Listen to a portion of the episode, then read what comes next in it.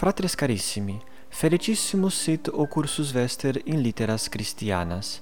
Mateus appellor Ecclesiae Catholicae sunt sacerdos natione brasiliensis, qui linguam latinam ecclesiasticos tirones in seminario docio. Auctores Christianos latine conscribentes eorunque opera unice colo, qua propter sedem anc acroamatis seu podcast Literis Christianis fovendis ac proveendis condidi spero quidem os sermones et vobis pro futuros et quod liciat iucundos. Fruamini ergo quam maxime. Fratres carissimi, salvete, gaudio nos posse uc revenire post longum tempus, iam Diu non incido sermonem, eu quod fui is diebus negotiosus, non solum propter mea officia docendi, sed etiam propter mea ministeria sacerdotalia, sed odie revertur et in meo animo est vobis aloqui de Sancto Cornelio episcopo Romano, et cur loquar de Sancto Cornelio. Sanctus Cornelius non multa scripsit, vel saltem no multa eius scripta ad nos pervenerunt, fortasse ille scripsit non nulla, quae tamen iniuria temporum interierunt. Sed tantum nobis pervenerunt due epistole latine conscripte et una epistola in lingua greca. Sed cur ergo loquar de quodam scriptore cuius scripta ad nos non pervenerunt vel cuius uh, maxima pars uh, scriptorum ad nos non pervenerunt Mea sententia opere pretium est de eo, aliquam mentionem facere, quod Sanctus Cornelius fuit primus auctor Christianus, qui Latine scripsit Rome, iam locuti sumus de Tertulliano et de non nullis aliis scriptoribus Christianis qui in Africa floruerunt in Africa septentrionali. Sed Rome tamen omnes et fere omnes scriptores eo tempore non latine, sed grece scribebant. Sed Sanctus Cornelius epistulas latine eh, uh, scripsit. Itaque uh, eh, mea sententia necesse est loqui vel saltem mentionem alicum facere primi scriptoris Christiani qui latine Rome scripsit. Bene, quid de vita divi Cornelii? Non multa scimus tantum cognoscimus eaque sunt acta cum ad pontificatum evectus est Sanctus Cornelius. Ille natus est Rome ut dixi erat Romanus vel saltem appellatus est Romanus et anno post Christum natum ducentesimo et quinquagesimo decius imperator Christianos acerrime persequicepit et mandatum erat ut omnes qui sacrificare negarent ad mortem duci essent. Et inter eos qui Christi confessionem valide tenuerunt Fabianus pontifex numerabatur. Et mortuo pontifice Fabiano successor fuit Sanctus Cornelius. Sed commodo Sanctus Cornelius creatus est pontifex. Bene, in primis, eo tempore decius volebat constrigere Christianos vel a religionem cristianam. Et commodo hoc facere conatus est. Ille temptavit impedire novam electionem pontificis, et sic putabat se posse Christianos coibere. Sed eo tempore tamen Goti, barbari, ad fines imperii Romani pervenerunt, et Decius, defendendi causa imperium suum, fines petivit ut bellum illic gereret. Et eo tempore quo decius abfuit presbyteri Romani convenerunt in unum et creaverunt sanctum Cornelium episcopum. Et hoc factum est anno ducentesimo quinquagesimo primo. Erat autem inter presbyteros Romanos Novacianus quidam qui noluit probare electionem sancti Cornelii, sed collectis quibusdam a seclis proclamavit se pontifice episcopum Romanum.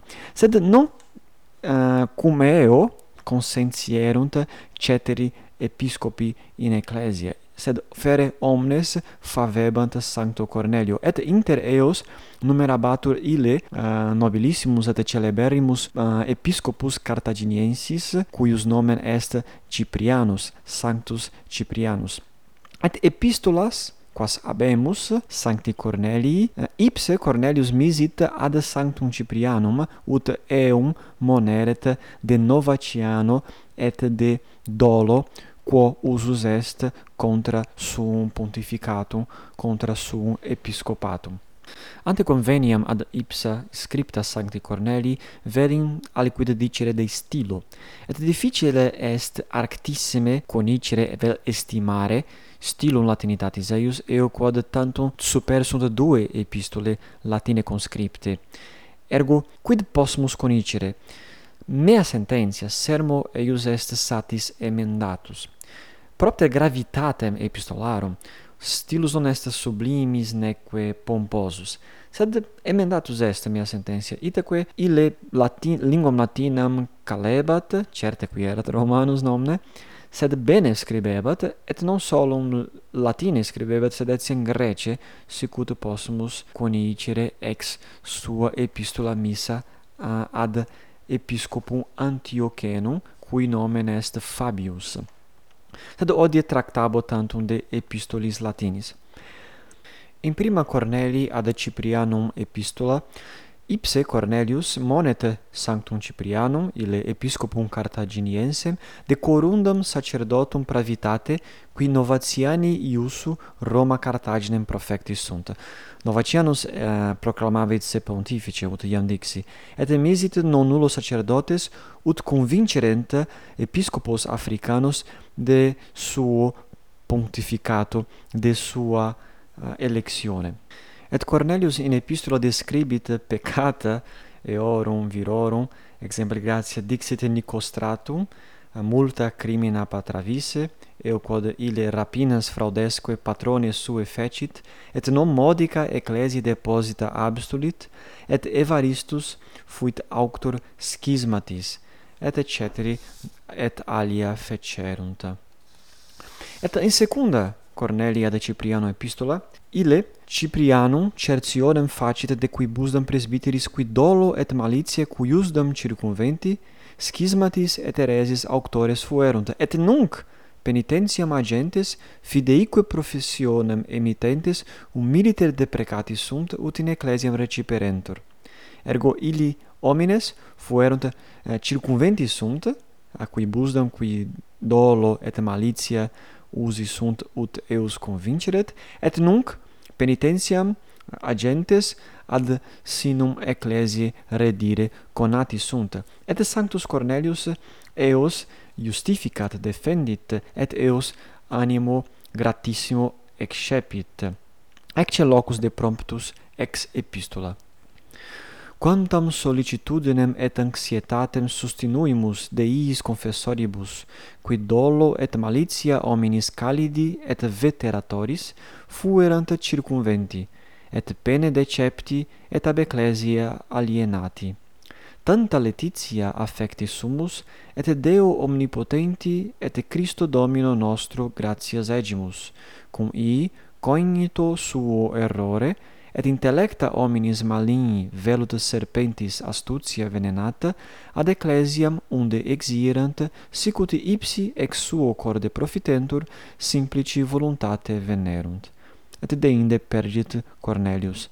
Ec igitur, frater, eadem ora, eodenque momento ad te scripta transmisimus, et niceforum acolitum descendere ad navigandum festinantem de statione ad vos statim dimisi ut nulla procrastinatione habita, velut presens in isto clero et in isto populi cetu, Deo omnipotenti et Christo Domino nostro, gratias ageres. Ergo narrat commodo i homines ad ecclesiam reversi sunt et narrat de Niceforo accolito qui ab ipso Cornelio missus est ad Africam ut portaret anc epistulam Bene, iis dictis non sunt alia dicenda, quod uh, tantum habemus uh, ec pauca de nostro Sancto Cornelio. Bene, ile exul missus est ab imperatore, ad urbem, quae appellatur Centum Cella, quae odie vocatur Civita Vecchia in Italia, et illic martirio coronatus est, palma martirii adeptus est ergo anno ducentesimo quinquagesimo tertio mortus est tantum duos annos ecclesiam Romanam gubernavit. Bene, ecce divus Cornelius, et nunc saltem alicum de eo mentionem feci, et sic possumus conoscere primum auctorem Christianum, qui latine scripsit Rome. Bene? gratias plurimas vobis ago, qui actenos me patienter auditis, in posterum spero me ah, de Sancto Cipriano Episcopo loqui. Fortasse non potero uh, omnia rimare non potero corpus suorum operum totum integrum tractare, quia est satis longum, sed fortasse uh, saltem partem alicum velim vobis cum compartiri. Bene, gratias, lursus vobis ago, et in proximum valete.